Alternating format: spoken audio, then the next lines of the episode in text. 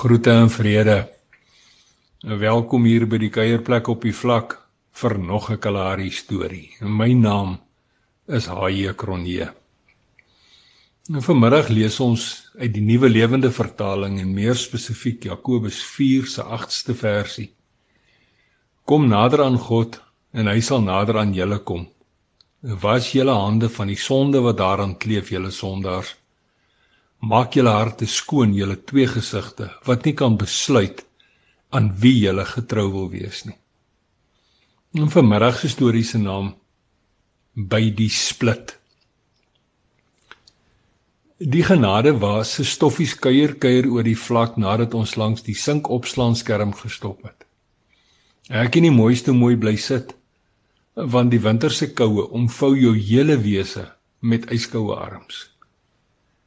Ek wou net daaraan dink om te ry toe my oë 'n beweging halfpad teen die oorkant te duin sien.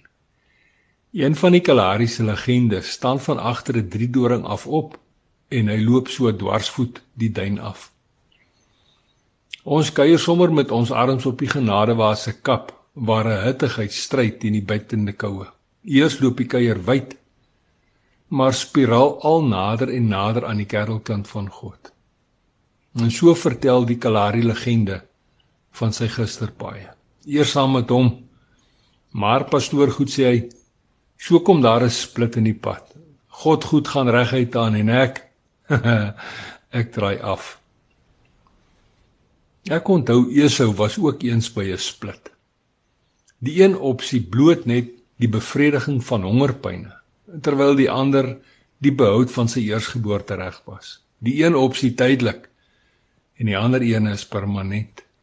Die een opsie is vleeslik, homself en sy behoeftes en die ander opsie is geestelik, sy verhouding met die Skepper. My oë vra die vraag en stil swygend kyk hy aan. So alosof hy sy antwoord behoorlik en met verantwoordelikheid oorweeg. Pastoor goed sien. By myself is ek die moeilikheid in en by myself moet ek die moeilikheid uit. Ek weet hy wag my daar by dieselfde split. Ek moet gaan regmaak. Ek moet omdraai en ek moet sy hand gaan vat by daai selfde split. Opeens het ek 'n Kalahari vol respek vir hom. Hierdie woestynmens besef sy onverskillige en swak keuse daardie dag by die split.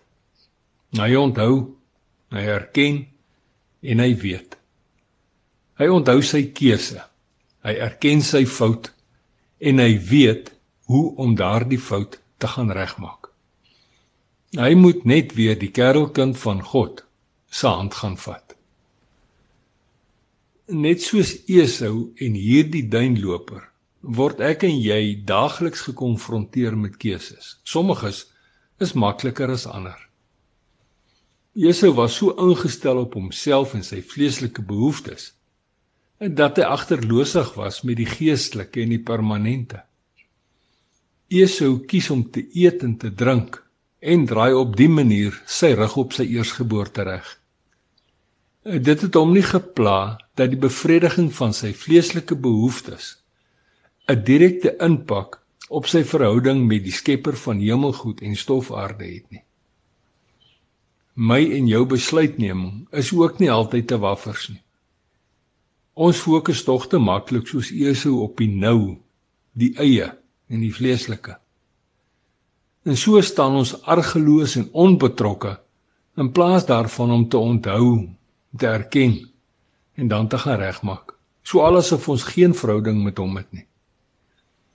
En nou gaan jy soos Esau omdraai en wegloop? Of gaan jy soos hierdie Kalahari legende maak, omdraai, split toe? Om daardie kerelkind van God se hand te gaan vat en saam met hom te loop. Nou ja toe, tot 'n volgende keer. Los mooi spore in Sankorrelbaai seëninge.